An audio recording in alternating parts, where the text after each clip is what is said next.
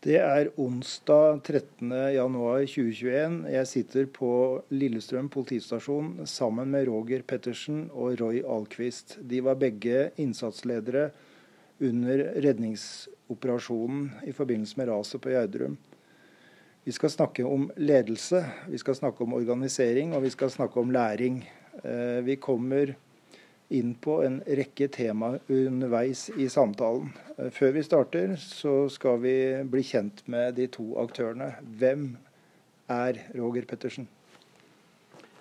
Roger Pettersen er en uh, vanlig kar uh, fra Lørenskog. Jeg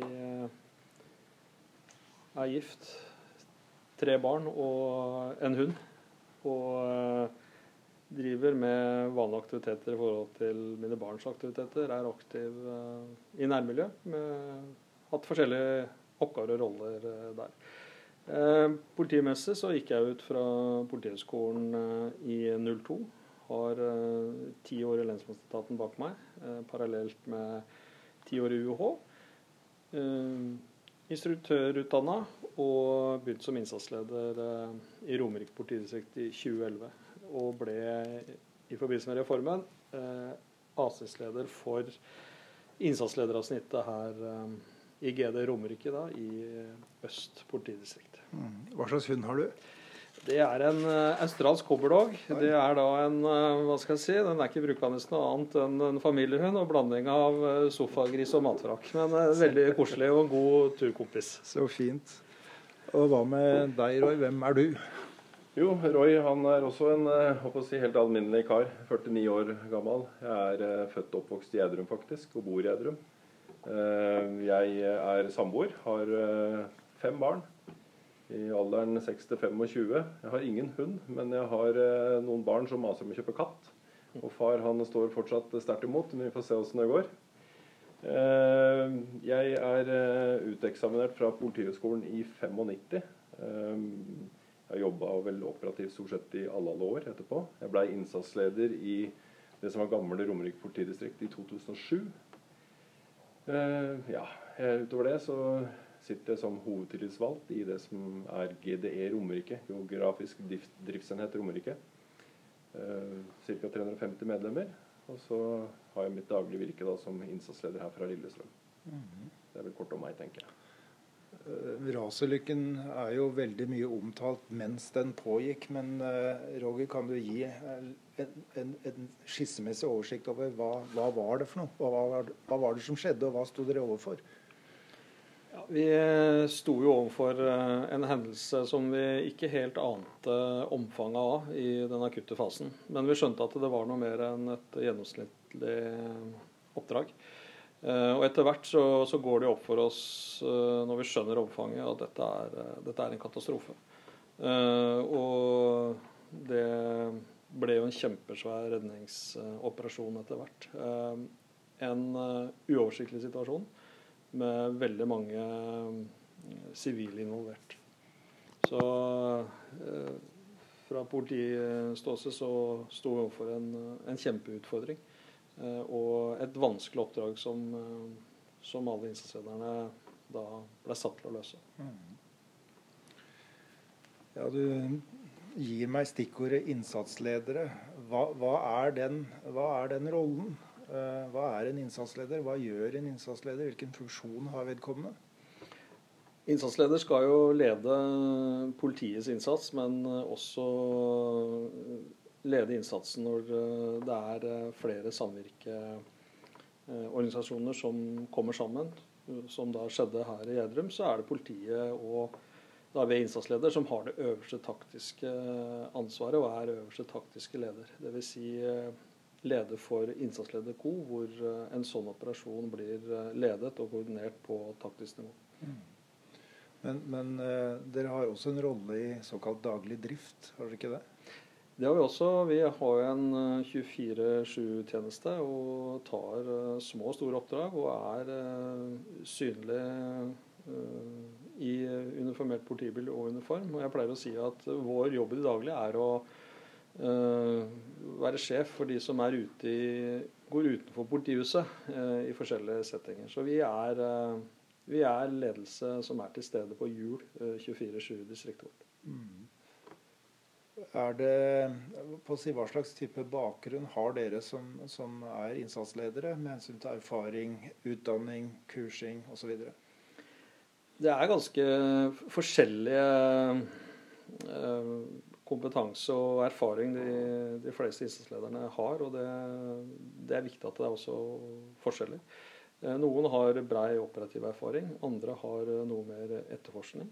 Eh, andre har jobbet i andre distrikter og tilegna seg forskjellig erfaring, som vi nyter godt av på innsatslederavsnittet. Men selvfølgelig er det en berikelse for oss som gruppe eh, i forhold til kompetansedeling og, og forskjellige erfaringer som eh, vi prøver å omsette til det daglige, så tjenesten blir, blir så god som mulig. Mm. Har dere gjennomgått en eller annen formell utdanning på Politihøgskolen f.eks.?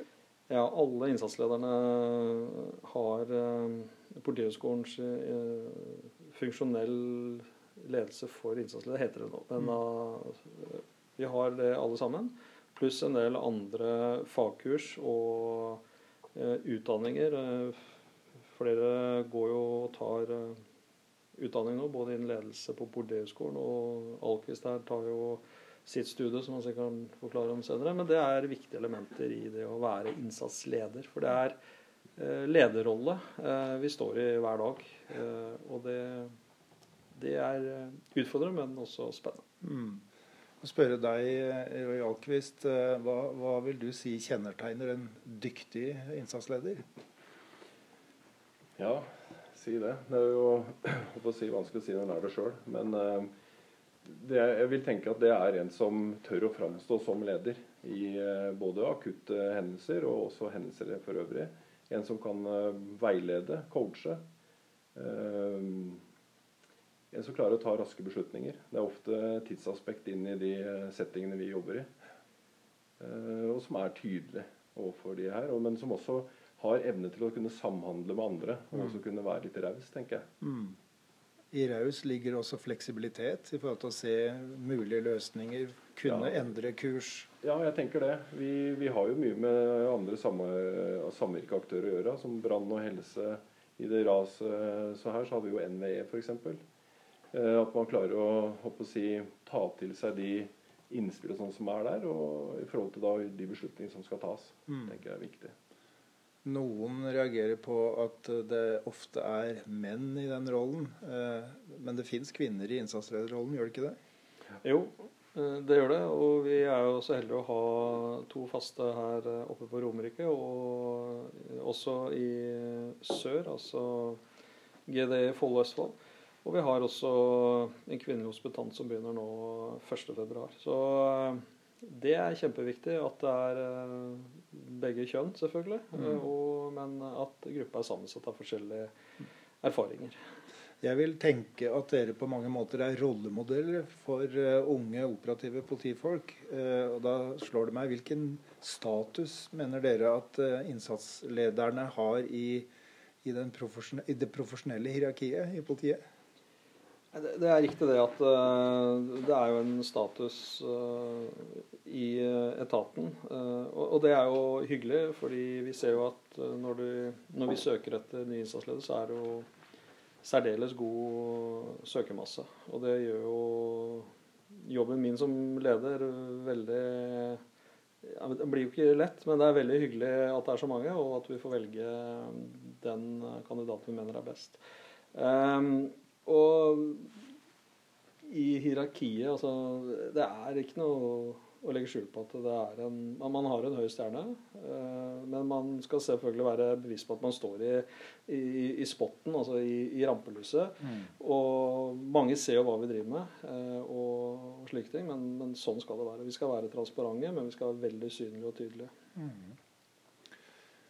Hvis vi går tilbake til selve redningsoperasjonen eller redningsaksjonen, så uh, hvem var aktørene her i, i den? på overskriftsnivå? Hovedaktørene var vel eh, brann, helse, politi og da også det NVE da, som var med der. Det er klart det er mange aktører inn i den selve redningsoperasjonen og den aksjonen som gikk. Du har Sivilforsvaret, Forsvaret, Norsk Folkehjelp, alle frivillige. Norske redningshunder. Så det er, eh, det er, veldig mange aktører, men hovedaktørene er brann, helse, politi. Det er liksom de tre. Og så har vi da bistandsaktører, da, for å kalle det det. Mm, jeg har jo en sønn i Sivilforsvaret som var der oppe under hele operasjonen. Mm. og så jeg fikk jo et visst inntrykk, sett fra den synsvinkelen, hvordan det var. Eh, men da har du altså pekt på de sentrale aktørene og noen som var i mer perifere roller. Men det var også altså folk fra frivillige organisasjoner som Røde Kors og mm. andre, var det, var det, ikke det? Jo da, det er eh, alle de frivillige organisasjonene, Forfen som vi kaller det. Alle var eh, med og deltok der. I tillegg så er det jo mange frivillige også fra kommunene. ikke sant? Mm. Altså Det er Sanitetsforeninga som var der for å smøre brødskiver. Det er et veldig stort apparat som er i sving. Veldig mange aktører inne. Og Det har vært liksom viktig for oss som ledere kanskje også, å få eh, når, du, når, man på en måte står litt i spotten, da, som Roger prater om her, at du er også i mediene, at du klarer også å få lest ut noe av det. altså få mm. Gitt noe ros da, til alle som er med og bidrar. For vi også ser jo det, sjøl om vi står midt i en krevende operasjon, så ser vi jo alle som er med og bidrar i det store og hele. Ja. Det. Og det er litt viktig å få, få belyst alle sammen, egentlig. Mm. synes jeg. Hvis vi går enda mer inn på selve redningsoperasjonen, altså hvordan ble den organisert i, i hovedsak? Den blei jo organisert etter eh, altså instrukser, uh, operative rutiner. Eh, Dvs. Si et, et oppsett som vi, vi kjenner, som vi har jobba med og ønsker og vet fungerer i sånne settinger. Eh, så organisering av sånn, det er etter kjente eh, prinsipper. Mm. Eh, som, må på plass, og som skal på plass. Og så er det selvfølgelig en utfordring å, å få det skjematisk til å, å, stemme overens med virkeligheten. Men det er noe alle innsatslederne kjenner til. Eh, organisasjonene kjenner også til det. altså Helse, brann, men også de frivillige organisasjonene. Mm. Eh, så kjenner til hvordan vi ønsker å eh, organisere dette. Men eh, det er jo det er jo mange faktorer du ikke har kontroll på. Så om det blir helt sånn, det vet man ikke. Men vi har i hvert fall en, en tydelig plan på hvordan vi ser for oss dette skal organiseres. Mm. Hva la dere spesielt vekt på? Var det på en måte en sånn automatikk i at dere tok en organisasjonsmodell som ligger i, i planverket og iverksatte den, eller var det visse ting dere i tillegg eh, måtte ta hensyn til ved denne operasjonen? Jeg vil si at vi brukte det som ligger der, mm. Eh, som er forankra i politiets eh, beredskapssystem, egentlig. Mm. og den holdt vi på gjennom hele, hele operasjonen. Mm. Så blei den selvfølgelig noe justert og, og, sånn underveis, men hovedsak så, så fulgte vi den, den tilnærmingen der hele tiden. De eh, aktørene som dere hadde en form for samspill med, er det aktører dere kjenner og som dere har erfaringer med å samspille sammen med, eller samvirke sammen med i den type aksjoner? Ja, det er det. Og, og, og noe av grunnen til at uh, mye har gått bra, er jo akkurat uh, det du peker på her. Altså, vi, vi har øv felles øvelser. Uh, vi har felles forum. Uh, som vi tar opp forskjellige scenarioer, går gjennom det. Spesielt da på innsatsledernivå både med helse, politi og brann, som vi har uh, flere samlinger i året. Så den forståelsen av hverandres uh, uh, oppdrag og jobb er veldig viktig. Og det, og det, samvirker vi veldig godt med alle, egentlig, i ØstPD. Det så jo ut for oss som betrakta det her som hva skal vi si, alminnelig hvermannsen som om det fungerte veldig godt. Det var godt organisert, godt koordinert, og at uh, samvirket og samhandlingen nærmest gikk sømløst. Hva, hva, var det noe dere hadde utfordringer med som dere måtte justere? Jeg tror det var egentlig lite justeringer underveis. Eh, kanskje sånn, bare sånn småtteri. Eh, jeg tenker at den samhandlinga fungerte egentlig veldig veldig bra. Eh, det er vel sagt, ble vel sagt fra vår politimester at uh, dette her var oppdraget hvor uh, si, ressursene fant hverandre. Mm. Og det er som Roger sier, den samhandlinga, den treninga, alle de casene, scenarioene som vi har trent, og det at vi har personkunnskapen altså Vi kjenner jo hverandre. Vi er på fornavn med mange av de andre innsatslederne. Mm. Det gjør at det er mye enklere å samhandle. Og det er stor takhøyde også inn i den ILKO, da, eller innsatsleders kommandoplass, der er det takhøyde. Man kan kjøre diskusjonene. Og det er, eh, det er forståelse for det.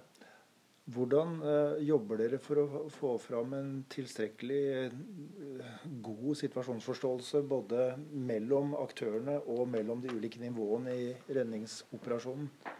Vi brukte det som vi kaller for statusmøter. Det ble brukt ganske hyppig. og Det ble avtalt inne i den innsatsleders og Da var det gitte tidspunkter hvor det ble avholdt statusmøte.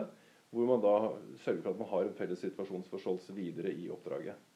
Og den eh, var også litt viktig, tenker jeg, i forhold til det når vi går ut i media bl.a. og sier det her med at det er fortsatt en redningsaksjon. Det er også for å eh, synliggjøre den felles situasjonsforståelsen som er, at alle jobber med ett felles mål. Mm. Og det vil også treffe de som vi kanskje ikke får prata direkte med, men det vil også treffe de hvis de følger med på, i media. da. Mm. Så det, det, tenker jeg er litt uh, viktig å, å, få ut. Hvis vi gjør en form for vurdering da, nå kort tid etterpå, så uh, hva var suksessfaktorene for at samspillet fungerte så godt som dere beskriver? Jeg tror mye er det, det som Roger nevnte i stad, i forhold til det beredskapssystemet vi har. Altså Man har en, eh, en prinsippskisse for skadested. Man klarer å på en måte iverksette den prinsippskissa i forhold til hvordan den er organisert og strukturert.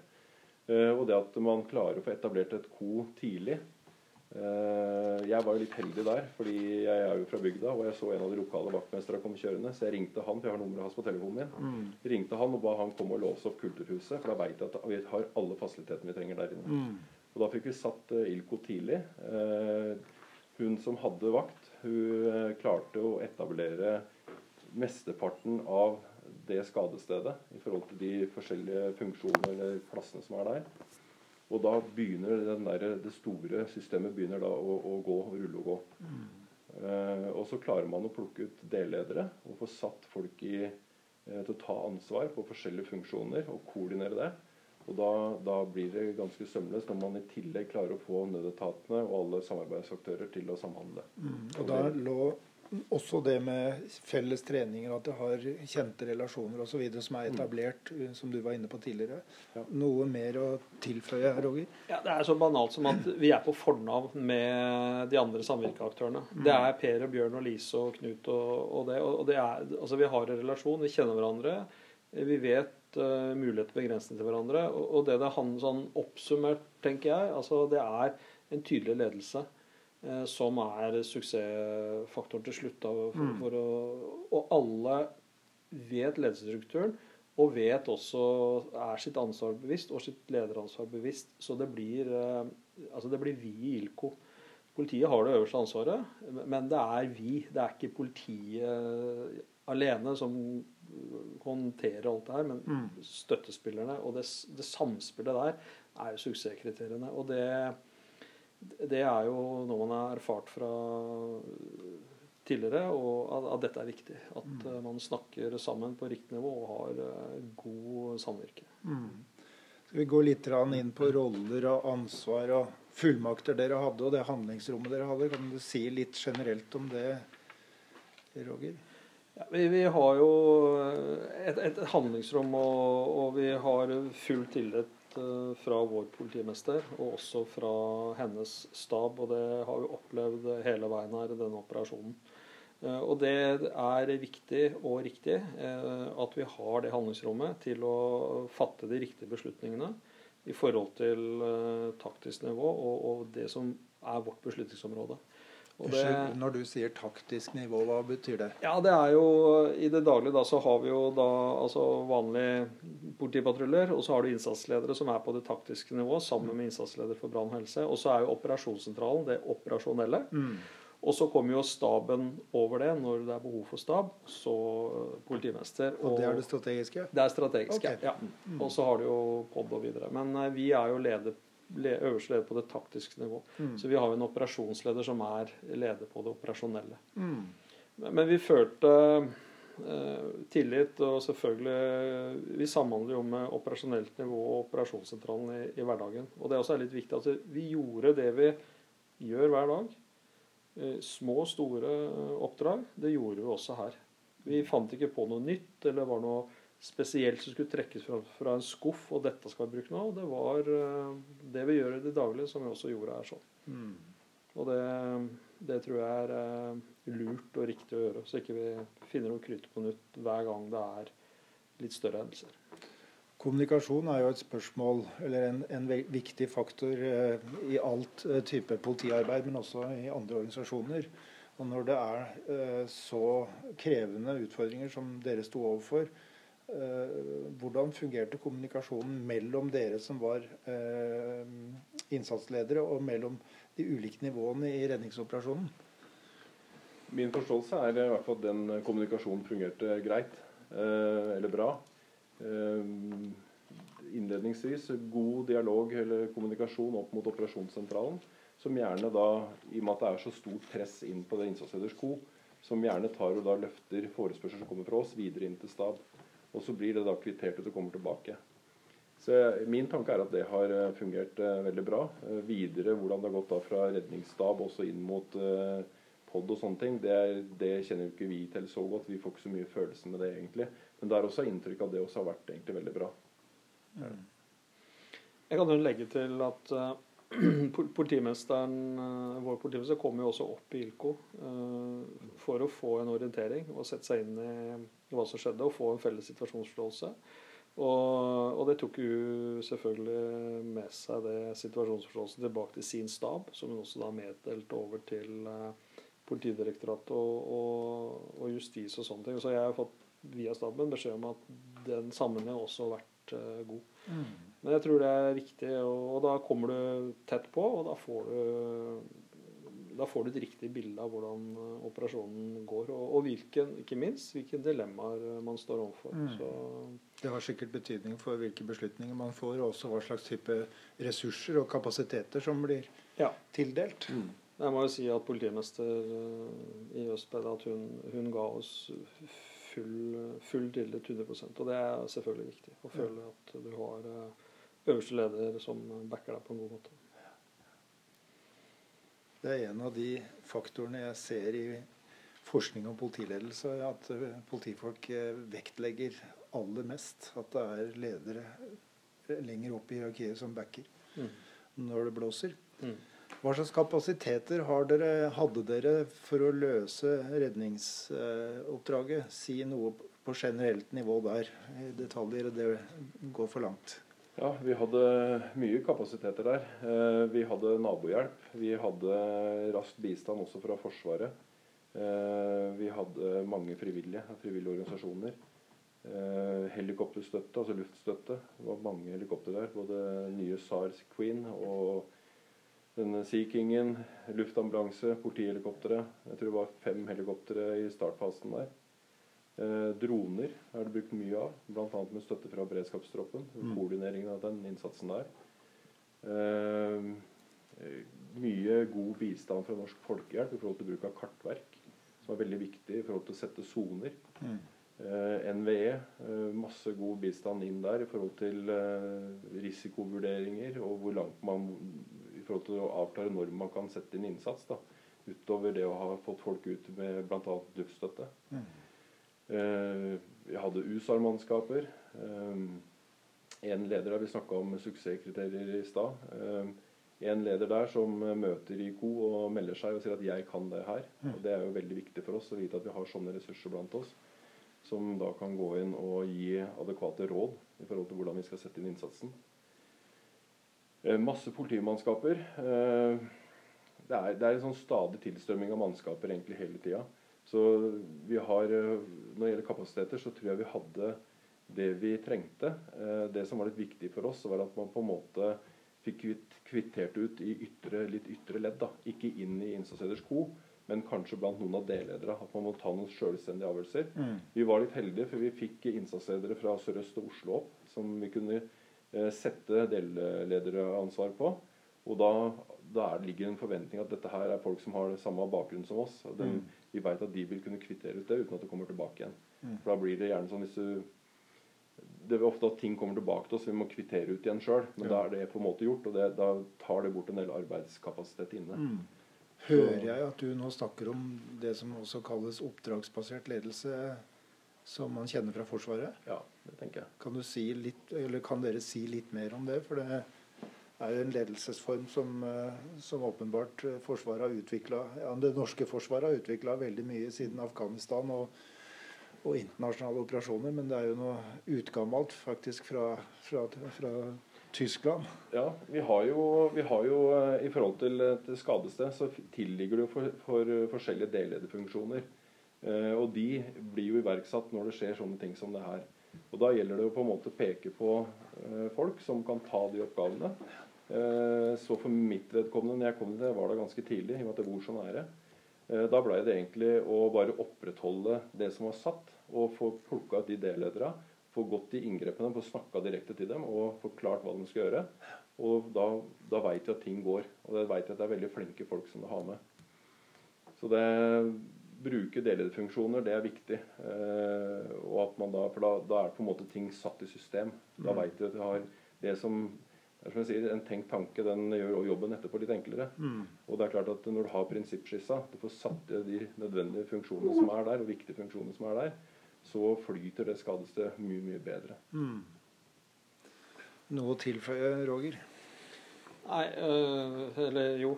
Øh, de som kommer og blir satt i de delederrollene, er jo folk vi vet har en kompetanse til å gjennomføre oppdraget. Eh, og da vi, vet vi at det oppdraget er i de beste hender. Altså Det er en ordre. altså Dette oppdraget ditt, vi ønsker du løser det med de manns, tildelte mannskapene. Mm. Eh, og så vet vi at det går i orden. Og det er jo selvfølgelig godt å få beskjed i ILCO at oppdrag utført. sånn og sånn det frigjør kapasitet i uh, innsatsledersko til å tenke framover og gjøre vurderinger og beslutninger som, som ILCO skal gjøre, men har behov for å bruke mesteparten av tiden sin på.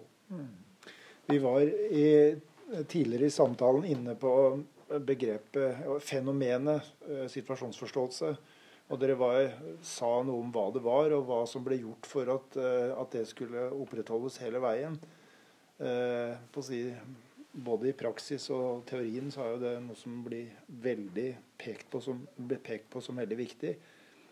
Eh, var den situasjonsforståelsen som dere klarte å etablere tidlig, var den eh, på, si, på godt og tilstrekkelig godt nivå hele veien? Jeg tenker det. Vi, vi, vi veit veldig godt hva vi står i. Eh, situasjonsforståelsen mellom samvirkeaktørene, den eh, tenker jeg er ganske tydelig. Ja. Og det er ikke noe, det er ikke noe, det ikke noe dissens rundt det i løpet av oppdraget. Den står seg egentlig hele veien. Hvis ikke du har noe å skyte Roger. Jeg tenker altså, En situasjonsforståelse det er jo ikke noe som bare pang kommer der sånn uten videre. Altså, det er jo en prosess for mm. å opprettholde, altså for å få den situasjonsforståelsen, den felles situasjonsforståelsen, men også klare å opprettholde den. Mm. Eh, og for å opprettholde den, så er det jo at man kommuniserer med hverandre. Eh, man snakker. Eh, det kommer inn innspill, det kommer inn vurderinger, tanker og sånne ting. Men at man klarer å omsette det her på en fornuftig måte og kvalitetssikre det som kommer, og eh, bli enig om at vi er på riktig vei, vi har den situasjonsforståelsen, eller om at alle er enige om at nå er det denne situasjonsforståelsen. Og dette er jo interessante prosesser på hvilke mekanismer som slår inn i den prosessen for å oppnå og holde på den situasjonsforståelsen. Og det er det jo flere ting som er avgjørende for at, uh, at det her uh, blir bra. Mm. Kan du uh, gå litt mer inn på de faktorene som har betydning? Vi, vi sa det innledningsvis. Så det er takhøyde. altså det er, det er ingen som har mer rett enn andre. og det er kompetent, kompetente, dedikerte folk som er i ILCO, som er profesjonelle. Og man må lytte på hva man sier. Og så er det fellesskapet som tar avgjørelse på om er dette noe vi kan gjennomføre, bør vi gjennomføre, eller er dette noe som vi må forkaste og ikke bruke tid for, for det er urealistisk å få til. Og da er vi inne i den gode dynamikken, tenker jeg. Mm. Eh, og så er det jo til syvende og sist så er det jo politiet da, ved innsatsledere som må ta den ene avgjørelsen og kanskje sette kursen og si at du, eh, den retningen her er eh, den veien vi skal gå. Men, men det, det, kommer på en måte litt sånn naturlig på plass da, i det samarbeidet. Mm. Det skjønner jeg. Eh, vi har vært inne på organisering og ledelse som da eh, på, si, på, på, forskjellige måter gjennom samtalen til nå. Og dere har pekt på at ledelse er helt sentralt. og at denne redningsoperasjonen ble organisert etter kjente og etablerte prinsipper. Går det an å si noe eh, om hva som fungerte godt, og hva som fungerte mindre godt, eh, sett nå noen dager etter at eh, aksjonen ble avblåst? Jeg vil jo si at eh, organisasjonen altså ILCO, å, samle da ledere som har fullmakter og beslutningsmyndighet uh, sammen, det er, det er, veldig bra. en utfordring i det er jo at ILCO tiltrekker seg jo veldig mange, eh, i den beste mening. Men, og jeg kaller det noe for sånn ILCO-safari. Altså skal bare jeg Altså mm. eh, Men i ILCO så må du ha de som har beslutningsmyndighet, og, og som skal være der. Eh, og det var jo en sånn litt utfordring å begrense det. Så ILCO fikk eh, jobba med, med det man skulle. Ehm, men det er ikke noe vondt ment fra de som skal bare og, og de, de, mener de har viktig informasjon. Mm. Eh, og så er det jo ILKO og, og, kanskje politiets innsatsleder sin viktige oppgave å altså Alt er viktig, men hva er viktigst? Å klare å ha fokus da på det. Mm. Dermed klare å ha fokus på oppdraget vårt. Og oppdraget vårt er å redde liv. Mm. Uh, og det er alltid en utfordring, uansett når du setter ILCO få begrensa det godt nok uten at du mister verdifull informasjon eh, ved å være litt streng og si at eh, folkens, eh, nå må kun de som må være her, skal være her nå. For nå skal vi inn i en krevende operasjon eller situasjon, eller vi skal ta en viktig beslutning. Da må vi ha arbeidsro. Det er én utfordring. Mm. Mm. Og det å være å si, pragmatisk, da. Tenke fram. Mm. Hele tida ligge liksom et steg i forkant. Det er eh, viktig i forhold til å få den drifta til å gå. Og selvfølgelig da tufta på felles situasjonsforståelse da, og de innspillene som vi får fra de andre samvirkeaktørene. Og så kan du si I det her så er det den kvalitetssikringsjobben, at vi kvalitetssikrer hverandre. Mm. Uh, og da er vi litt tilbake altså Man kan løfte opp ting. Uh, diskutere. Uh, kvalitetssikre. Også for se er vi på riktig vei. Stoppe opp en timeout. Folkens, er vi fortsatt på samme situasjonsforståelsen. Og det, det, er kommunikasjonen. Og så er det å få fram da, eh, det beste av alle eh, som innsatsleder, leder av KO. Altså at du spiller alle god, så mm. alle eh, leverer på sitt aller beste hele tiden. Mm. Gjennom hele operasjonen. Og, og da er vi tilbake til den ledelseselementet i nok en gang. Mm. Innsatsleder. Og det er kanskje en utvikling da, fra å være den som uh, har jobba lengst ute i gata og sånne ting, så, så er det, det er innsatsledelse vi skal levere. Og ledelseselementet blir, er viktig, men kommer til å bli kjempeviktig for innsatsledelsestjenesten fremover. Mm. Jeg bruker begrepene ledelseskompetanse, lederdyktighet og ledelseskraft. Ja. Hva slags uh, Altså, hvor stor betydning har det i den rollen dere har, og knytta til redningsoperasjonen? Ja, det har jo alt å si. For det er jo det du til syvende og sist står igjen med. Eh, og det er jo eh, De som vi har eh, på innsatstjenesten, er jo gode ledere. Det er jo det man ser etter. At du har potensialet til å, å, dekke de lederbehovene du har i en sånn rolle. Og det kan være annerledes enn en, en administrativ rolle eller i det private næringsliv, men her er det helt spesielle egenskaper vi ser etter, som vi eh, har basert eh, på erfaring opp gjennom mm. årene. At dette er faktisk det som du må ha med deg og kunne stå i eh, som innsatsleder. Og også selvfølgelig se litt framover eh, og, og hva, hva, denne rollen vil innebære i framtida også. Mm. Dere er jo begge erfarne ledere, og dere eh, har og holder på med formell ledelsesutdanning, hva velger jeg å kalle det. Noen sier lederutdanning. Eh, hvor stor betydning har ene, den ene og den andre faktoren for dere? Jeg tenker det, det, går litt sånn i to spann for min del. Eh, selvfølgelig bruker jeg bruker som etter å ha jobba 25 år ute i gata, så bruker jeg jo mye av erfaring jeg har tilegnet meg derfra. Jeg har jo stått i ulike oppdrag opp gjennom åra. Og mye av det her er jo hva skal jeg si, litt sånn likt. da. Organiseringa er likt, det er bare liksom omfanget som er ulikt. på en mm. måte. Eh, Samtidig så tenker jeg at for egen del så har det vært viktig å tilegne seg noe mer formalkunnskap i forhold til lederutdannelse. Og Det er for å se litt på de der ulike sammenhengene altså i forhold til beslutningsteori, eh, hvordan lederskap fungerer, organisasjonsstrukturer, kultur. Mm. Alle disse tingene her det synes jeg har vært viktig å, å ta med seg inn da, i måten å drive ledelse på. Det er en dansk eh, helt jeg har, som heter eh, Hildebrandt han sier at man begriper med sine begreper. Mm. Altså forstår kanskje mer av eh, utfordringer og hvordan man skal gjøre ting ved å få et større si, begrepsapparat og flere kunnskaper og flere perspektiver. Kan, stemmer det med sånn dere tenker? Jeg tenker det, og lederutdanninga som jeg er eh, midt i eh, ved Politihøgskolen, har jo berika på en måte den praktiske praktiske erfaringa. Så, så jeg syns jo det her er, er, noe som bør gå sammen som hånd i hanske. Altså mm. at man etterutdanner seg også på formalkompetanse, som Roy her sier. Og, og, jeg sitter jo og tenker på det praktiske eksemplene, oppdrag og sånn, og linker det her opp mot uh, teoretisk ledelse. Ja. Og det, det, er veldig bra. Så helt klart, det, det fyller på en måte du blir mer komplett uh, som mm. leder uh, og forstår prosesser. Blir mer oppmerksom på kanskje prosesser du kanskje ikke hadde så fokus på. Og, og dette gjør jo at helheten og totaliteten i rollen som innsatsleder, at du blir en, en dyktigere innsatsleder. er min påstand. Går det an å bruke et sånn teknisk begrep som at verktøykassa som leder blir mer omfangsrik og innholdsrik? Mm. Ja, helt klart. Helt åpenbart. Mm. Helt åpenbart. Mm.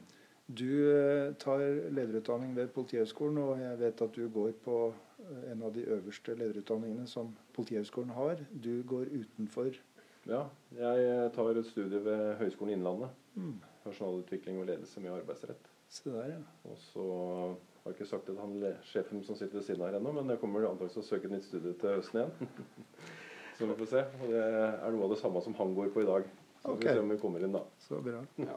Vi, vi, jeg, som, jeg, det er bare kjempeglad for det, at mine vil ta videreutdanning på formalkompetanse. Og, og det er noe vi, vi må gjøre. Og det, det, er personlig utviklende, og ikke minst for eh, innsatslederrollen og, og, og, den kompetansen eh, vi kommer tilbake med, og mm. deler videre organisasjonen. Så det, det er bra. Og vi har det har kanskje vært litt sånn i politiet da, at er du innsatsleder, så, så er du leder til et visst nivå. Du skal ikke kunne andre, men jeg mener at uh, innsatsleder uh, er like viktig som andre lederspor, men andre oppgaver og ledelsesteorien uh, passer også til det vi står i hverdagen. Mm. Så oppfordringa er gitt. altså Er du innsatsleder rundt omkring, søk studier. Eh, Politihøgskolen eller andre steder.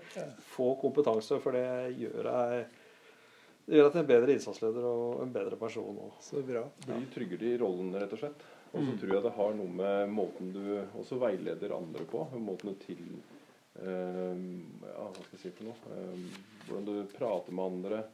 Eh, framstår for andre. Du blir mye tryggere. Og jeg tenker at det er eh, tillit, de vekker tillit. da hos de mannskapene du også skal lede ute. Kanskje det også er en faktor som eh, befordrer, som er bra i forhold til kommunikasjon med andre aktører, som man må regne med ganske mange der har ledelsesutdanning og mm. bruker den uh, type kunnskap på denne, de aktuelle situasjonene de er i. Åpenbart. altså Unge mennesker eh, er jo kjempeflinke til å utdanne seg, så det, vi må følge med utviklinga. Ja i bordet, Og det gjør vi jo. altså Det er veldig mye bra. Så, men utdanning er kjempeviktig. Kommer litt inn på uh, noen prosesser. Dere nevnte det så vidt som et stikkord i stad. Altså se på beslutningsprosesser.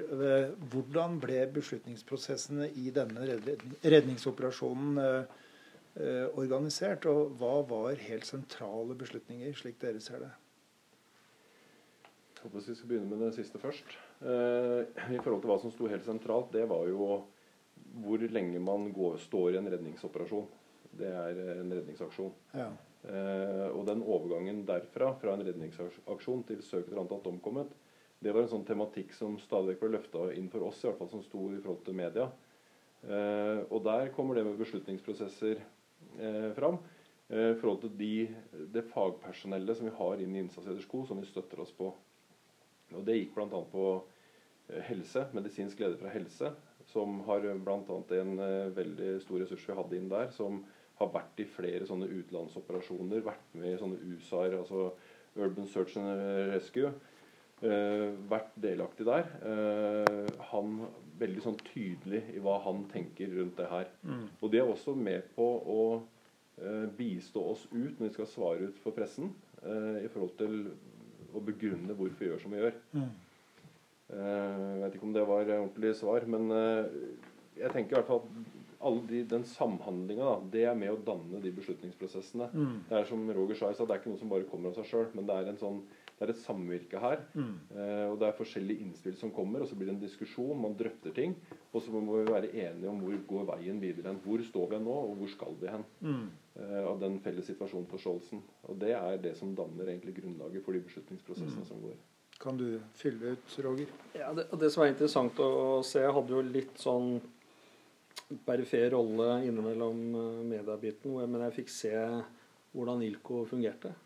Og det er jo det her på tvers av uh, faginstansene. Altså, du kan sette to-tre uh, faginstanser altså, i ILCO sammen for å løse et problem eller se på en utfordring.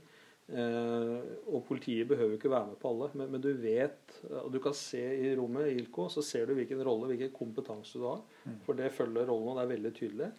Og så vet du da at her er det, blir det levert. Eh, og, og de prosessene der er eh, kjempeviktige. Og, og, da, for å få fram det, hyppige statusmøter, hyppige brifer, eh, hvor man er i tankerekka for og imot fordeler, ulemper, altså muligheter, begrensninger. Og det mm. samspillet der er ganske unikt. Og det er, det er nesten sånn Du må se det, oppleve det, mm. og, og nesten filme det.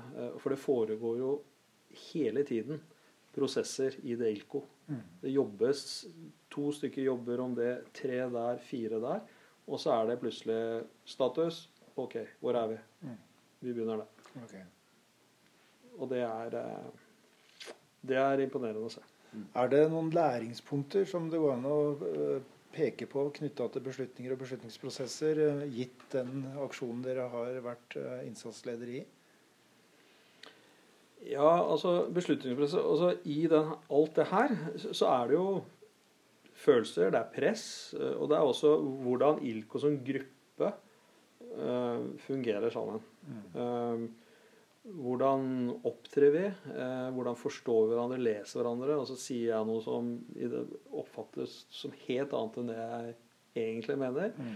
Så, så, du blir jo veldig skjerpa i den settingen. Jeg blir bevisst på det. Og så er det jo heller ikke tid da, for å bortforklare altså Du må være ganske direkte. Mm.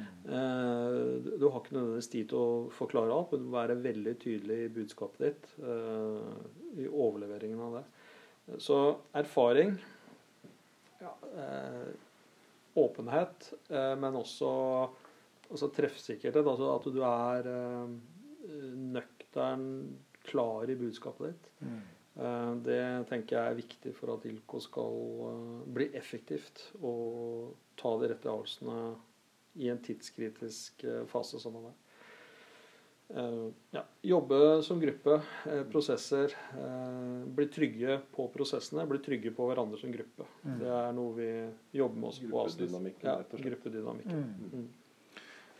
Dere har på å si, vært inne på temaet skjønn, faglig skjønn her. Altså alt eh, kan ikke analyseres. Alt er ikke klart eh, og tydelig. Eh, alle alternativer og konsekvenser av det er ikke tydelig. I hvilken grad mener dere at skjønn var en del av den jobben dere utførte der oppe? Kanskje litt vanskelig spørsmål. Eh, mye her baserer seg jo også på erfaring. Ja.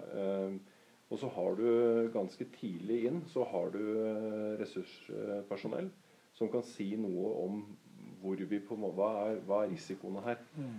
Eh, og da må vi på en måte stole litt på det. Mm. Eh, for vi har ikke noen fagkunnskap som det NVE har, f.eks. og geologene som kommer dit. Og jeg ser ikke det er noe skjønn, men det er i hvert fall veldig sånn tydelig rettesnor for oss. Hvor, hvor vi kan, hva, hva, kan vi gjøre nå? Eh, kan vi gå inn der? Kan vi ikke? Når det gjelder andre, det organisatoriske i forhold til skadested, så går det jo litt sånn på skjønn og hva som er innlært og sånne ting. Mm. Der kan man eh, kanskje litt mer eh, Jeg vet ikke hva jeg skal si. Større rom for litt skjønn der. Eh, jeg vet ikke om det var noe godt svar, egentlig. Jeg, jeg tenker Skjønn er litt sånn ryggmargsfølelse nå. Mm. Uh, det, de sitter liksom Det er innøvde ting, vi har trent på det. Men ryggmargsfølelsen er et, en refleks og sånn. Og det, og den, det er jo rart å se hvor lik den er på enkelte av samvirkeaktørene. Ja. Ikke sant? At, at brann og helse at vi, vi liksom, vi, vi reagerer likt da, Mm. på forskjellige ting. Um, og, og skjønnet er jo Det er bygd på erfaring. Altså det, det går jo noen eh, filmer i hodet på Ja. tidligere oppdrag. Gjenkjennbart. eh, Man vet noe. Eh, men det er klart, det er jo Når denne USAR-kollegaen altså i brannvesenet kommer opp og, og forteller om Altså, dette er min Dette mener jeg om våre muligheter nå. Og, og da legger jo han til sine erfaringer, bruker Mm. sitt skjønn. eh, og, og det er jo en del av, eh, del av vurderingen som blir tatt med. Men skjønn kan jo virke litt sånn ustrukturert og litt sånn eh, Det kan jo oppleves som at skjønn, er nå det? Ja. Men, men det er jo ikke det. Det er jo et positivt ord eh, når man vet meningene bak det. Og det Et skjønn må jo alltid være med. Hvis jeg Ja. kan si at det er litt sånn fellesbetegnelse kanskje på mange, eh, mange prosesser og mange ting som blir vurdert. Men skjønn, ryggmargfølelse, vil jo alltid være der. Og det, og det er jo ikke noe jeg kan styre heller. Nei. Jeg vil jo ha det med meg. Og Det er en si, analytiske emner, eh, vurderingsevne basert på kompetanse og erfaring og ting. Ja. ja. Det er det. Ok, det, er, det var sikkert med i veldig mange av de beslutninger som dere måtte ta, enten som enkeltpersoner eller i, eller i gruppa der. Det ligger der hele tiden. Ja. Mm. ja, det ligger jo litt sånn i ryggmargen. Og det er jo som sier, det er inntren, altså ting som vi har trent på. Eh, kommer litt sånn eksplisitt fram i forhold til Jeg merka det særlig da på morgenen jeg kom dit, at eh, det første som slo meg, det var liksom støtte Marit som sto i det der inne. Og så var det å få sørge for at det videre etablering. Og, så liksom, og det er alle de tinga her, og det blir jo på en måte kanskje litt sånn skjønn da. altså Det ligger i ryggmargen. Jeg vet, på en måte hva jeg skal gjøre. Og så må jeg på en måte tillempe at det blir riktig. Om det ikke blir akkurat etter skissa, så blir det i hvert fall noe som fungerer. Ja. Og Det var i hvert fall veldig viktig sånn for meg. Og det, det, ble, det var gjort veldig mye riktig i startfasen der. Det var det. Det som jeg litt uh, syns det er naturlig å komme inn på nå, er den kollektive kompetansen som redningsaktørene hadde. Og den, også den kollektive mestringstroa som åpenbart eh, var til stede der. Kan dere si litt om det? Hvordan dere opplevde det? Ja, altså, mest, altså, det var jo et, et veldig tro på uh, at, eh, at vi skulle løse oppdraget. Og den var gjennomgående hele tiden. Og det var ikke basert på øh, håp om mirakler. Sånn. Det var begrunna i, i, i faglige, faglige vinklinger. Ut ifra hvilken informasjon skredderområdet ga oss, øh, hvordan vi vurderte ting, behandla, analyserte og hadde den prosessen gående hele tiden. Så mestringsfølelsen ble jo blei stor. Jeg vil påstå det òg. At de som var der, følte at dette er noe vi mestrer. Dette er vi trent for. Dette står vi. Dette Vi er fortsatt uh, har kontrollen så langt det går an. Og, um, og den, den kollektive kompetansen, altså, den er, den er god. Uh, Ja, jeg vil tenke at det er de ypperste menneskene Ja. i de ulike etatene som samarbeider der, som møtes og som sammen skal løse oppdraget. ja. Jeg er helt enig. Det er eh, vanvittig mye høy kompetanse inn i både innsatsleders sko og også de aktørene som er rundt her. Mm. Så er det høy kompetanse. Det er folk som har spesifikke ja, fagutdannelse. Eh, bare sånn som inn i kommune. Altså mange ting her da, som er med og spiller på lag. Mm. Eh, og det er klart at noen framstår kanskje tydeligere enn andre i forhold til hva de har av kompetanse. Så kanskje spisskompetanse akkurat på sånne ting som det her, som er jo veldig spesielt. Og det, så ja, høyt kompetansenivå, det vil jeg si. Er det eh, på å si tydelig grad av respekt mellom de ulike kompetansene og de forskjellige aktørene i, eh, i redningsarbeidet? Ja, det er min opplevelse. Ja. eh, At det er det. Og det er jo den takhøyden og den forståelsen av uh, hvilken kompetanse man har og Ja. besitter. Mm. Så, så det føler jeg absolutt. Det er alle Det er vi i ILCO, det er ikke bare den ene eller andre. Og, og det føler jeg den dynamikken der er veldig god. Og Forståelse for hverandres roller og Veldig. Mm. Ja, veldig. Mm. Også begrensning, altså forståelse av at begrensningen er der også. Mm. Man er ikke noe supermann, man, men man er eh, Så den veldig god og, og var til stede hele tiden. Og um, ja, det var godt uh, å, å stå litt på utsiden av og se, se akkurat det. Og, og da, da tar man også gode beslutninger og i forhold til HMS-perspektiv òg. At mm. man forstår det, viktigheten av det, og, og ikke man, man vil og vil, men man, man og, og kanskje ikke ser alle begrensningene, men at man forstår dem når, man også, når de kommer opp til uh, å bli belyst. Og det er litt sånn viktig, eh, den biten her. For vi har jo Innsatsledere og politiet har jo ordremyndighet over egne mannskaper. Vi har ikke det over andre. Men vi har et HMS-ansvar. Mm. Og, det, og det er klart at her er det mange som vil. Det er mange som vil inn her og redde liv. Og det er viktig at man på en måte eh, sørger for at det regnestykket i hvert fall ikke blir noe verre. Mm. Eh, At man er eh, tydelig på hva vi kan og ikke kan. Mm. Og at man da heller må kanskje holde igjen. Og så er jo det en sånn ting som vil bli evaluert i etterkant. Om man kunne satt inn håper å si noe tidligere. Det vi har basert på, er jo selvfølgelig alle de undersøkelsene alt dette som er gjort, og de fagpersonene, det fagpersonellet vi har inne, som vi støtter oss på. Så jeg tenker at eh, ja, det alle samvirker godt, og det er eh, forståelse for hverandre. Mm. Og man kjenner jo hverandre også. Komme litt inn på utfordringer. Altså, hva var de eh, tydeligste generelle utfordringene i redningsoperasjonen? Og hva var de utfordringene dere sjøl opplevde som de største eh, i rollen dere hadde? Ja um, I forhold til eh, rollen min, så sånn første dagen så var det egentlig det å få eh, få svart ut mye av ting og få på en måte sørga for at de som gikk inn i ILCO, fikk arbeidsro for å få satt den prosessen der. Så jeg kunne ta unna de tinga som var ute, få svart ut egentlig sånne som jeg tenker det, det kan jeg ta. Det kan jeg ta ansvaret for. Og det står jeg egentlig veldig støtt i, en del av de avgjørelsene jeg tok. Eh, og så blir det etterpå å gå inn og bistå i innsatsleders sko. Eh, og få kvittert ut og være håper å si en, eh, både en bidragsyter, eh, men også en som støtter eh, den som har ansvaret som innsatsleder. Når det gjaldt pressen, så var det litt sånn for meg litt utfordring.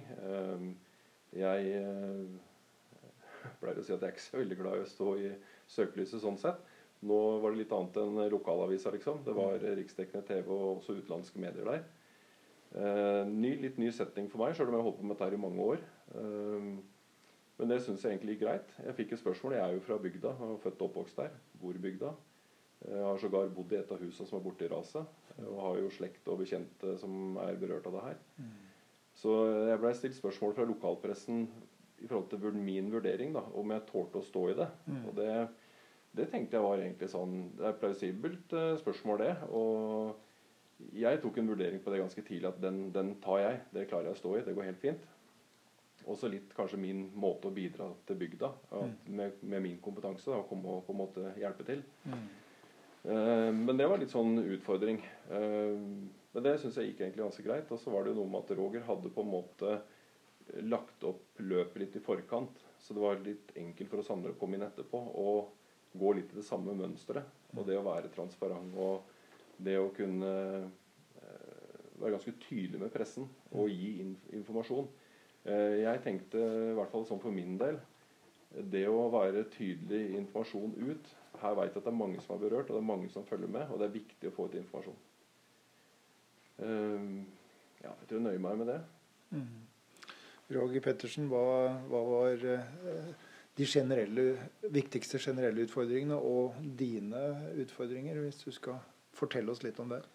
Generelle, altså ut, Største utfordring var jo selve raset. Eh, Det satte noen begrensninger for oss. Eh, Og det, og det, eh, det å forstå at det er naturkrefter du kjemper mot.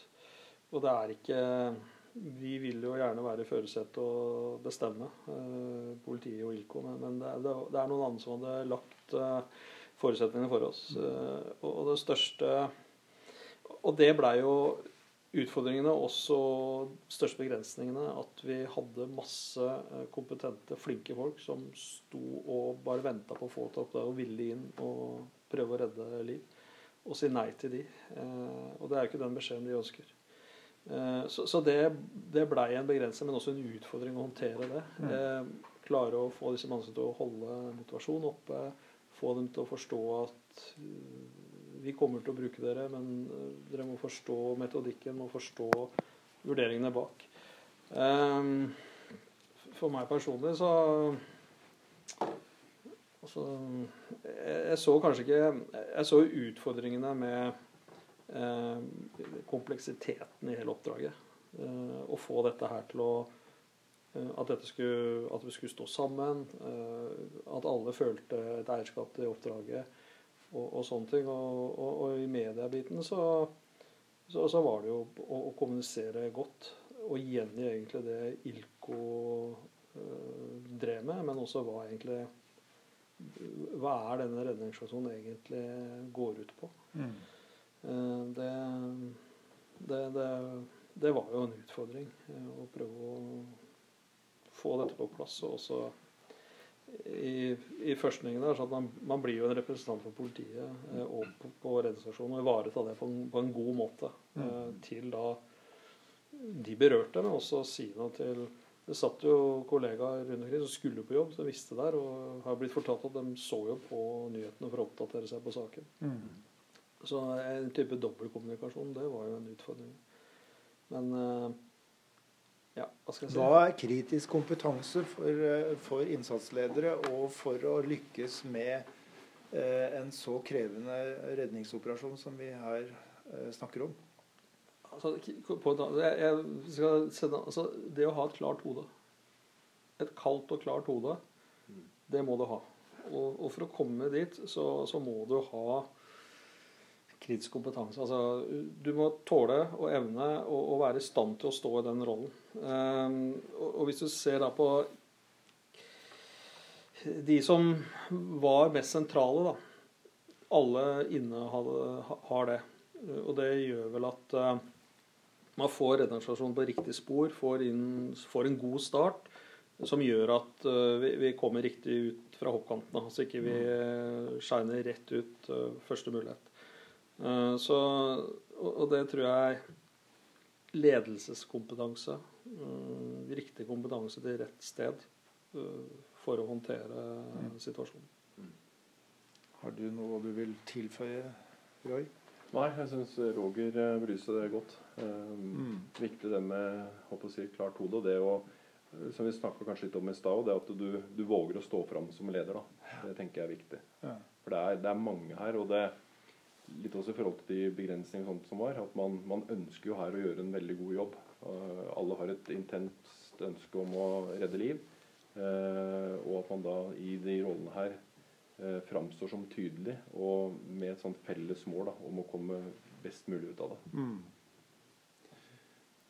Kvalitet er også et begrep som er relevant her. Hadde dere sjekkpunkter som dere fulgte opp eh, underveis hele veien for å se er vi på nivået vi ønsker. Må vi trå til mer med ressurser, mer kompetanse osv.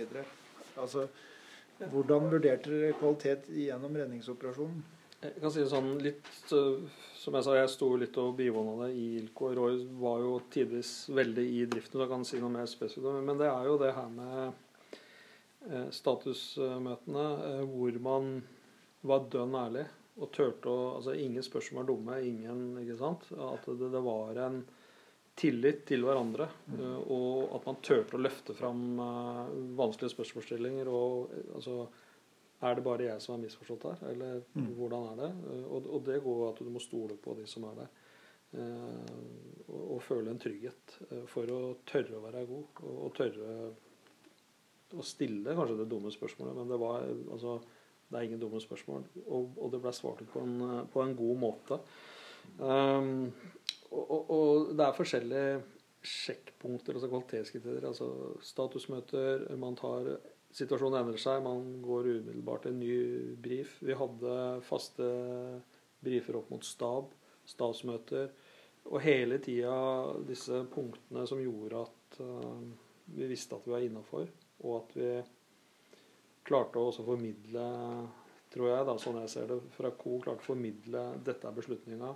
Dette ønsker vi at stab skal se på. Dette er vårt forslag, dere må beslutte. Og dette gikk jo selvfølgelig veldig mye mot eh, HMS eh, og forslag til å iverksette ting som ble kvalitetssikra hele tiden. Og sånn må det være. Mm. Noe å utdype, Roy? Nei, jeg tenker Roger sa det godt. Det, det er som sagt de her statusmøtene og det med raushet, at man har forståelse for hverandre. Eh, det ble også tidlig eh, gitt eh, signaler i forhold til hva vi trenger av ressurser. At det er sånne ting som man ikke behøver å på en måte henge seg opp i. Og det frigjør en del kapasitet. Mm. Du kan på en måte, Og det var også et sånn ønske fra vedkommende som styrte ganske tidlig da, innsatsleders sko, i forhold til det å ta de avgjørelsene litt lenger ut i linja. da, Ikke bare inn i innsatsleders sko. Og Det tror jeg var, det handler jo også om litt sånn tillit og at du får kvalitetssikra en del ting ut. da. Et spørsmål som, som, eh, jeg har hatt i bakhodet egentlig mens jeg satt og så på dere og operasjonen, eh, redningsaksjonen, det var eh, Har politiet forbedra seg, og på hvilke måter siden 22.7? Hva, hva er det som er annerledes? Hva er bedre? Jeg tenker det først og fremst er mye mer samtrening med nødetatene. Man har årlige øvelser F.eks. disse PLIVO-øvelsene, pågående livstruende vold. Ja, felles fora. Vi her, har jo hatt det som vi har kalt for ROLT, Romerike operative lederforum. Mye mer samhandling, og det tenker jeg er et uh, suksesskriterium. Ja. Man blir bedre kjent med hverandre, og det er lettere å stå i større operasjoner og, og kunne samhandle. Altså, jo, man kan trekke ut ting og sammenligne med 227, eh, selv om scenarioet var annerledes. Men altså, en enkel ting samband. At taktiske ledere Vi vet vi kan snakke sammen på vei opp. Vi har en plan. 'Dette er min situasjon.' Så jeg kjører sånn. Jo, det er helsebrank. Jo, min situasjon er også det. Og så kan neste altså, si at det er riktig, men jeg har en tilleggsopplysning vi har fått i vårt spor. Altså, det er jo etter 227 snakke sammen på samband i den akutte innledende De ulike aktørene. Altså. Ulike aktørene. Ja. Alle ja. aktører har mulighet. Altså teknisk uh, ting som det. det. det. høres så enkelt ut, ja. men det er Du får prate med de du skal prate med, samvirke. Uh, og så er det jo selvfølgelig helse, uh, brann og politiet har fått på plass da brann og helse. Også innsatsledere. Tydelig går samme utdanning, på en måte, har det samme forståelse, har den samme jobben og sånne ting, det er suksesskriteriet. Mm.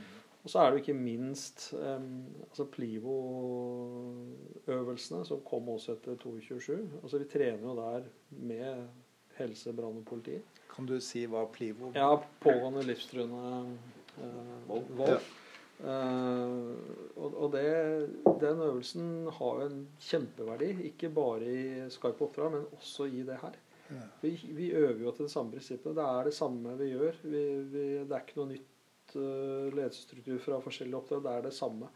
Og da er vi tilbake til systemet, skisse og sånne ting. Mm. Og så er det jo en større forståelse at skal, det er ingen som lykkes alene. Etatene lykkes ikke ene. Vi må stå sammen. For, for, det er krevende, tunge oppdrag. Vi er helt avhengig av alle sammen å mm. få uh, spilt hverandre gode og få samvirket til til å virke. Så det jeg hører da, det er eh, kompetanse. Altså utdanning, trening, øvelser. Og så er det eh, klare roller. Mm. Og så hører jeg organisering. Ja. Eh, og så hører jeg kommunikasjon og samband. Mm. Og så står ledelse der som en, eh, som en viktig faktor. Ja. Så altså, det jeg også hører dere si, det er at dette her har blitt bedre på alle de faktorene der siden Eh, det tragiske i 22, altså i 2011. Mm. Jeg mener at øh, Jeg jobba jo 22, altså det, det, er det, det, er øh, momenter som jeg mener har, øh, man har utvikla seg på. Mm. Litt om samspill og samvirke. Det har vi snakka om eh, både direkte og indirekte ved flere av de ulike temaene her. Men, men eh, hvis dere skal gi en sånn generell eh, vurdering sett fra deres side på hvordan samspillet med de andre redningsaktørene og kommunen var i dagene etter raset, hva, hva sier dere til det? Hvordan fungerte samspillet? Min første tanke er at samspillet fungerte bra. Vi sto jo i den redningsaksjonen over lengre tid. Eh, det ble vel nesten seks døgn totalt, tror jeg.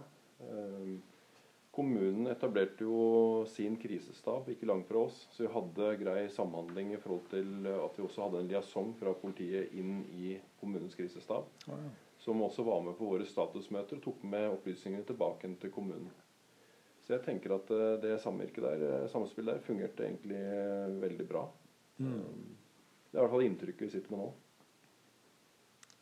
Er det noe som kan kunne vært, eh, vært bedre? Hva, hva, hva, vil dere liksom Det er vanskelig å si. Eh, det blir jo sikkert en evaluering her, eh, her også. Det, man, det, er jo noe med den informasjonen. Det vil alltid være noen utfordringer i forhold til kommunikasjon. Mm. Vi merka jo det at bl.a. noen typer kartverk kunne være litt forskjellig i forhold til å overføre eh, kartverk på datafiler som er for store, som man ikke klarte å laste ned. At det kom for seint inn. altså Det er sånne, mer sånne tekniske ting. da. Ja. Eh, men det er sånne ting som man løser fordi man også har kommunikasjon. da. At noen kommer inn og sier at eh, nå er det skjedd et eller annet, vi har ikke det kartet som dere har. Mm. Det må vi få. Ja, Og så besørger vi da at det går i orden.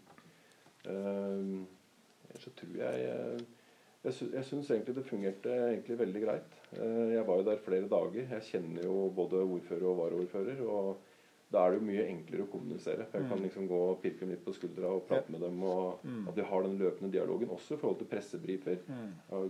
Blir dere med ut nå? Nei, det trenger ikke vi nå. Nei, ok, greit. Og så at man spiller på hverandre egentlig hele tida. Det jeg også hører liksom ligger under her, det er stor eller høy grad av tillit mellom de ulike aktørene. Ja. Ja. Det syns jeg det var. Og det, det, her med at eh, politiet kan og veit alt, det, er bare, det gjør vi ikke. Uh, men vi skal være gode på det vi skal kunne og vite, og det som er jobben vår. Uh, og det er en forventning til alle de andre. Så, så, det har noe med det å gjøre. Og så er det jo alle, alle i politiet og alle som har stått der, er jo, det er jo ingen som er mer ivrig etter å komme i gang med evaluering og se kan vi forbedre noe. Kan vi utvikle noe her? Kan vi gjort dette bedre? Kunne vi spart et sekund der? Og, så, og det kommer. Og det er begynt på allerede. Og, og, da er vi jo tilbake i litt sånn det koordinerende biten. Mm. Eh, for det kan jo være sånn at eh, helse plutselig får informasjon i sin linje. Så starter de, og så Oi, de andre vet jo ikke den informasjonen, og tilbake informere, og så fortsette. Ja. Altså informasjonsflytt, kommunikasjon.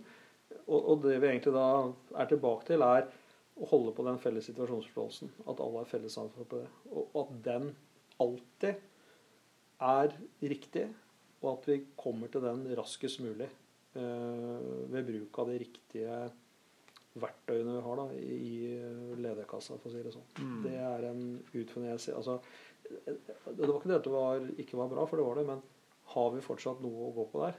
Eh, og det tror jeg vi har. Mm. Det tror jeg vi har. Men som Roy sier, alt i alt, så langt, eh, så er det veldig mye bra samvirke som eh, så, så, I hvert fall som er min eh, opplevelse av det. Mm.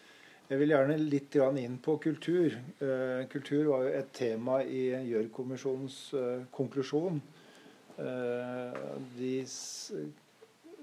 påpekte at uh, kultur var noe som ikke var Altså det ble gitt der en negativ valør. Uh, kultur handler jo om normer og verdier som, som preger en organisasjon.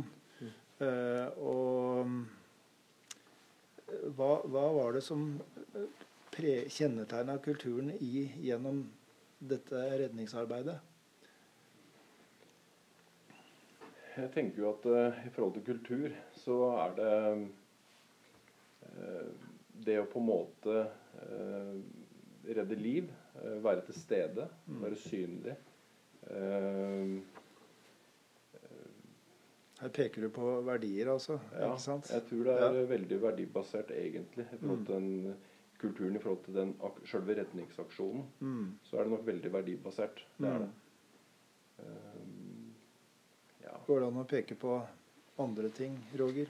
Ja, erkjennelsen som jeg var litt inne på. eh, Erkjennelsen av at uh, dette kan vi, og det skal vi levere på. Uh, det er andre som skal levere på det. Uh, og det er den åpenhetskulturen, altså, den, altså ærlighet. Mm. Man tør å være ærlig og transparente.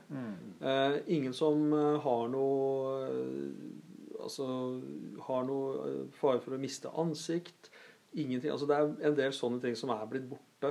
Uh, som kanskje kulturen bar litt preg av, av tidligere. Altså hvem uh, hvem skal bestemme hvem, og, og, og litt sånn tette skott og Mm. mer sånn profesjonskamp.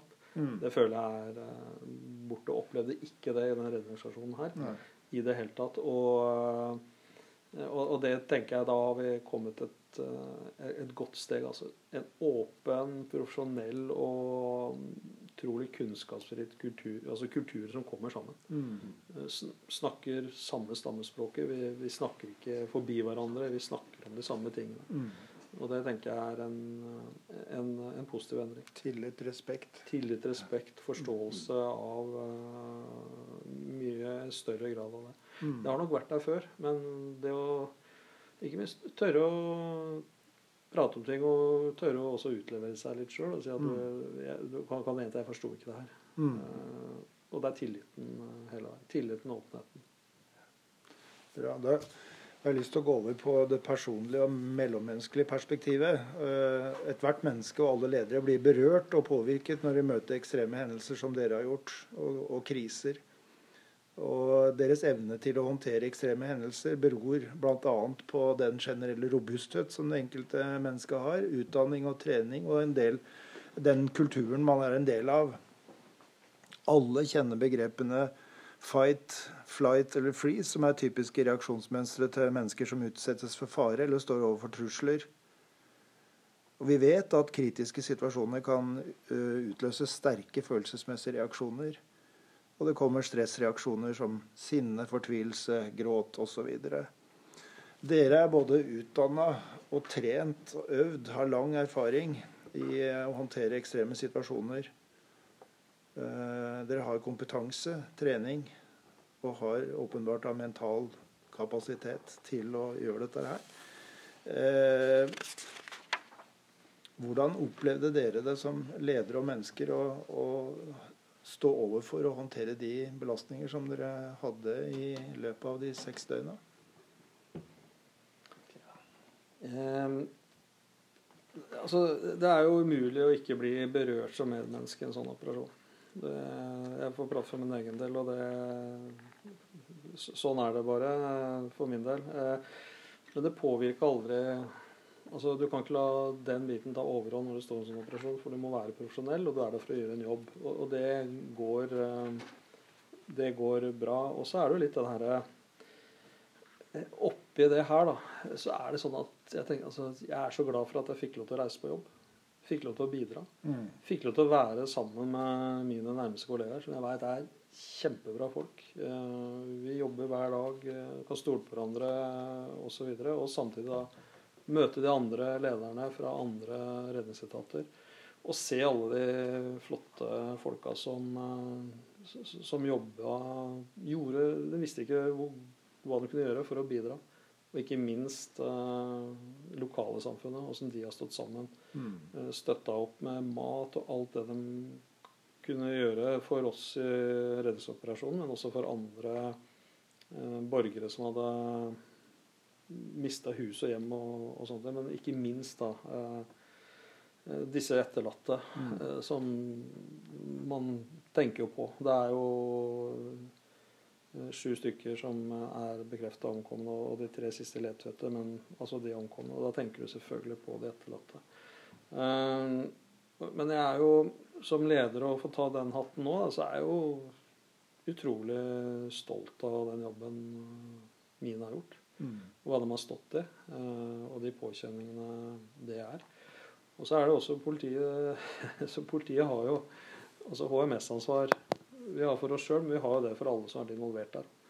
Så det er sånn Vi skal passe på alle andre, men vi må også ikke glemme å passe på oss sjøl også. Ja, Hva gjorde dere for å ta vare på hverandre? Det, det, er forskjellige ting eh, jeg kan si fra, for meg som leder. Det, det, det, handler om å snakke med hverandre. Um, og så veit jeg at vi og mine er flinke til å prate sammen. Mm. Før vakt, etter vakt, i det daglige, uh, hvis det er noe. Og så er vi jo flinke til å ringe til hverandre. Jeg prøvde jo å ringe til alle enten før de dro på vakt eller etter, bare for å høre at det er greit. Og så vet jeg at når vi hadde disse teamene som bytta i ko, så hadde jo dem en prat på vei opp, men også på vei hjem. Mm. Så, så, det er eh, Vi er gode på, på det her mm. uh, hele veien. Og så har vi også hatt en samla alle innsatslederne til en defusing. Okay. Uh, uka eller noen dager etterpå, som var veldig, veldig bra. Jeg får spørre deg, Roy, som kommer fra bygda der og, og bor der. Hva opplevde du som, som krevende sånn menneskelig sett? Nei, For det første så ble det jo, må jeg si, når jeg fikk eh, telefon på morgenen eh, hjem og skulle reise ut og hørte hva det var. Så jeg ringte direkte operasjonssentralen. Eh, og da svarte min faste operasjonsleder, og det var egentlig rart han svarte meg så kjapt. Men eh, midt oppi det kaoset som var der. Eh, han fortalte hva det dreide seg om, og da gikk det jo litt kaldt nedover ryggen. Men jeg er veldig glad som Roger sier, veldig glad for å kunne fått lov å være med på den redningsaksjonen. Fått lov å være med og bidra med det jeg kan.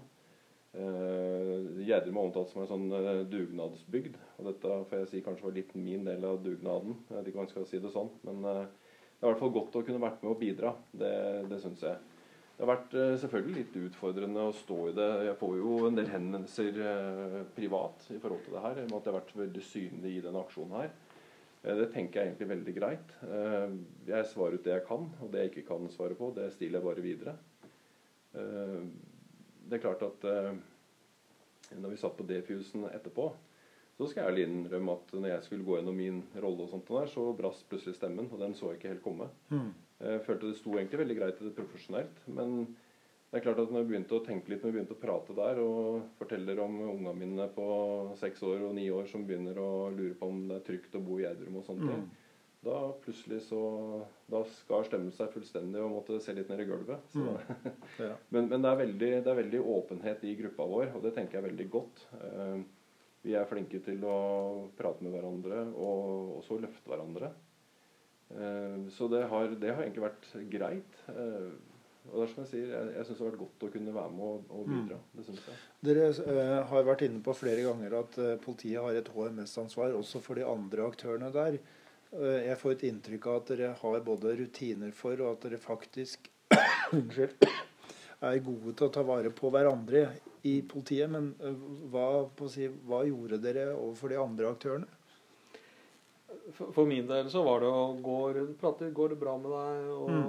altså, være en god kollega og medmenneske til folk eh, som kom opp fra rasgropa, møkkete fra topp til tråd, var sliten og sånn. Men med å være til stede og prate litt om forskjellige ting, altså helt hverdagslige ting. At mm. nå, nå snør det, nå må vi vel måke litt når vi kommer hjem. Altså, mm. altså, helt vanlige ting tror mm. jeg var bra. Samtidig fokus på fag og oppdraget når det var uh, måtte være i fokus. Men uh, det handler om den tilstedeværelsen. Så skal det sies at KSO, til politiet, også reiste ut og etablerte seg på stedet. Så det var, kollegastøtteordningen. Ja, kollegastøtteordningen. Mm. Så de var jo til stede, og man kunne gå på ta en prat uh, før eller etter vakt og, og sånne ting. Så det, det, er jo bra. Uh, men, men, det er jo nok en gang altså Vi står i oppdrag i hverdagen, prater med kollegaer, hvordan går det, og har jo HMS-ansvaret. Uh, i den akutte fasen i innsatsledertjeneste. Så er det klart vi bruker jo tid på det og har jo erfaringer med det. Men det er jo et et godt system for å ivareta det. Eh, og vi har hatt den første defusinga, men eh, vi har masse flere sånne defusinger. Vi skal defuse ILCO, vi skal bidra inn til de andre etatene etter hvert osv. Så, videre. så det er et formidabelt arbeid som står foran oss også på det området. Selv om den akutte og SAR-delen av søket eller redningsaksjonen er over. Mm. Men det er klart sånn For min del, etter når det sto på som vers, kom hjem og Det er ikke så ofte jeg er glad for at det kom og lå masse snø, men da fikk jeg to timer å kjøre snøfreser og, mm. og, og gjøre helt vanlige ting. Mm. Og komme hjem til familie og gå tur med bikkja. Det, det, blir liksom de hverdagslige tinga som gjør at du får kobla mm. og hvilt deg og henta inspirasjon og energi til å bare gyve på igjen eh, neste gang det var min tur. Og så er det veldig motiverende å se eh, sånn som det her eh, blei etter hvert, i forhold til hva som blei levert på så mange mulige nivåer. da, I forhold til alle sivile, alle som viser omtanke. altså det er, så, det er så stort, da. Eh, og det, det, det, er jo sånn som motiverer i forhold til mm. innsats. Så jeg syns jo det var veldig rørende og motiverende å se. Og jeg ser jo det fortsatt i bygda. Jeg er jo, er jo der fortsatt. Det, men jeg ser også at det er jo en annen sak, selvfølgelig, men det er jo også en del sånne bekymringer rundt her. da. I forhold til bygda, hvordan den blir videre framover. Men uh, ja, jeg syns, det har vært veldig Det har vært godt, egentlig, å være med og bidra i en sånn setting som det her. En aksjon mm. som det her. Da går vi over på uh, det nest siste punktet, som handler om mediehåndteringen og presset som dere sto overfor der. Altså, Hvilke tanker eh, lå bak måten dere organiserte og håndterte media på? Da spør jeg deg, Roger, i og med at du var den som eh, som tok initiativet og la premissene der. Ja. Eh, vi, det ble jo jeg som eh, havna den rollen eh, innledningsvis der. Men det er jo en rolle vi har prata på forhånd i gruppa, så det var tilfeldig at det var jeg som havna inn. For vi vet at ved større hendelser så, så, vil media ha behov for å vite hva som skjer. Og vi vet at hvis Eh, innsatslederen som står og drifter Co, altså Alfa, eh, skal ut der og brifes, så fratar det da fokuset til å drifte oppdraget og, og drifte Co og drifte operasjonen. Så det er jo en, eh, en oppgave vi vet at en av oss må ta. Og det, da blir det den som har den oppgaven, som tar all media og koordinerer det. Det blei min oppgave her, fordi andre var i Co og var i driften.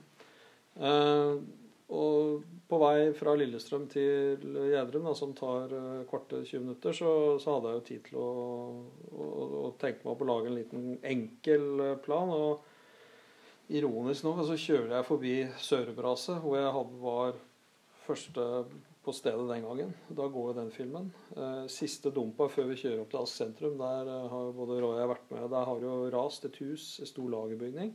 Så da kom jo det bildet opp. Og da kommer jo erfaringene og alt vi gjorde etter det.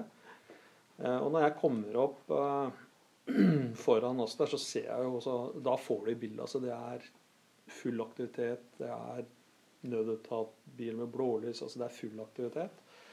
Og jeg visste at da, når du går ut av bilen nå og går i den, så, så må du stå der eh, til noen andre kommer og tar over. Jeg hadde tre punkter. Jeg skulle fortelle på en god måte. Prøve å fortelle. Hva, hva er det vi står overfor nå? Hva gjør vi, og hvordan er det vi håndterer dette? Jeg skulle prate enkelt, som Roy sa tidligere òg. Så folk, alle som så på, forsto hva jeg sa. Prøve å unngå så, faguttrykk, forkortelser. Bare fortelle det. Og så og, og formidle hva ILKO jobba med.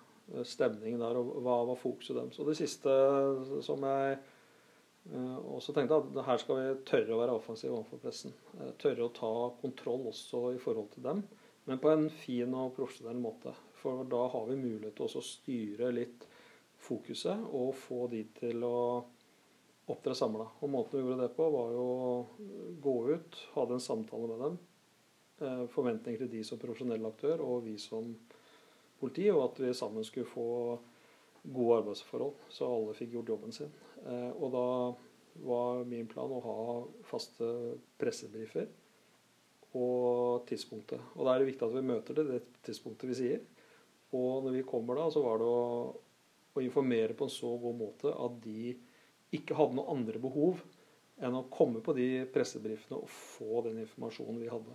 Eh, og da må vi gi tenkte at vi, vi, skal tørre å være så åpne vi kunne, uten å ikke ivareta de lover og regler og, og det vi er bundet av, av lovverk og instruksfesta og sånne ting. Og det lykkes eh, vi med. Eh, og så tenkte jeg også at eh, vi har god tid, så vi skal få lov til å stille alle spørsmålene.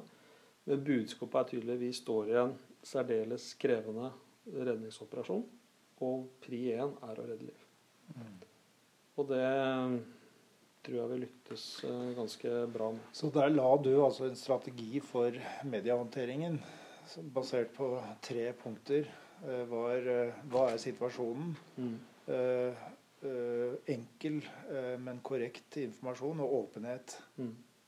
Er det de momentene du la vekt på? Ja, og så tenkte Jeg også, jeg, jeg skjønte det når jeg kom, altså pressen var der. Uh, Roy hadde jo jeg hørte på samme, Roy hadde jo snakka med dem litt før. Men så tenkte jeg altså at politiets rolle er å gå og ta kontroll når det er kaos. Da er det viktig, det er derfor vi står fram da og får fokuset på oss. da.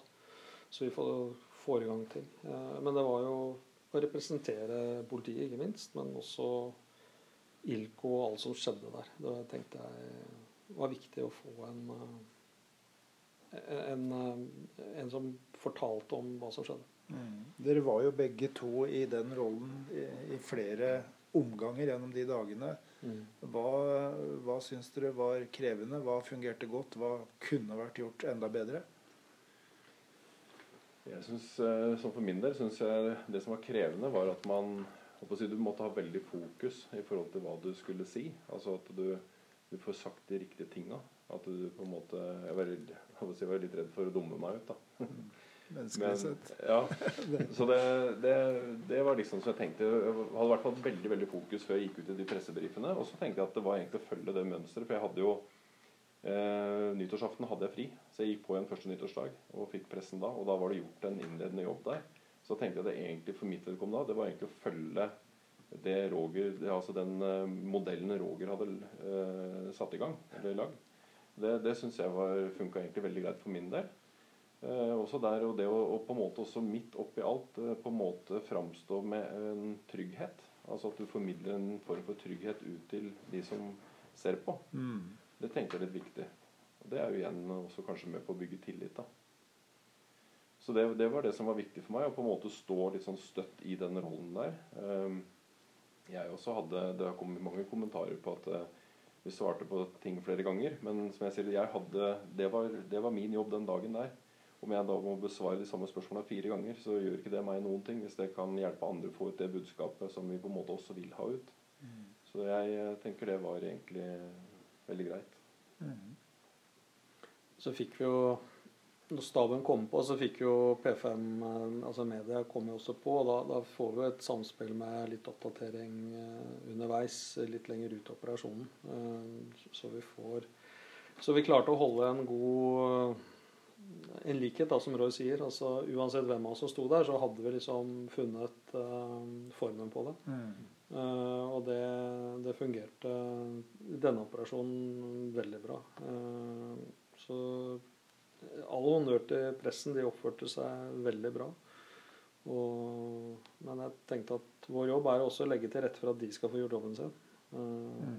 så, så, får de stå for redaksjonelt innhold og Vær varsom-plakat og, og sånne ting. Det er deres ansvar. Vi må stole på at de faktisk tar det ansvaret. Mm. Det, Hvis dere skulle holde et kurs i kriseledelse.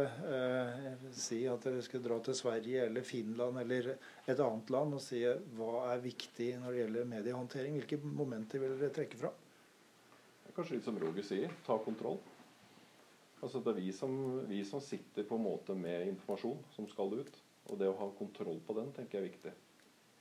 Eh, også det at man jeg må si For egen del så var jeg også ute og samsnakka med pressen i forhold til akkurat det her med Vær varsom-plakat og redaksjonelt ansvar.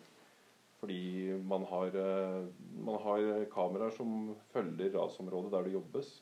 Og det sitter pårørende og følger med hele tiden. Vi kan ikke pålegge pressen noen ting, men vi kan gi noen henstillinger. Mm. Og Det tenker jeg er litt viktig at vi også er litt tydelige i forhold til den biten der. Men eh, jeg tenker at først og fremst det viktigste det er å på en måte ha kontrollen på det budskapet som skal ut, og at man er eh, på tilbudssida og er transparent. da. Altså at man er, eh, du er imøtekommende og, og, gir på en måte det man vil ha. Jeg tror det vil gagne det samarbeidet veldig godt. Jeg er enig i det. Og, og så kan det jo sies at vi, vi har jo hatt medietrening eh, på innsatslederavsnittet.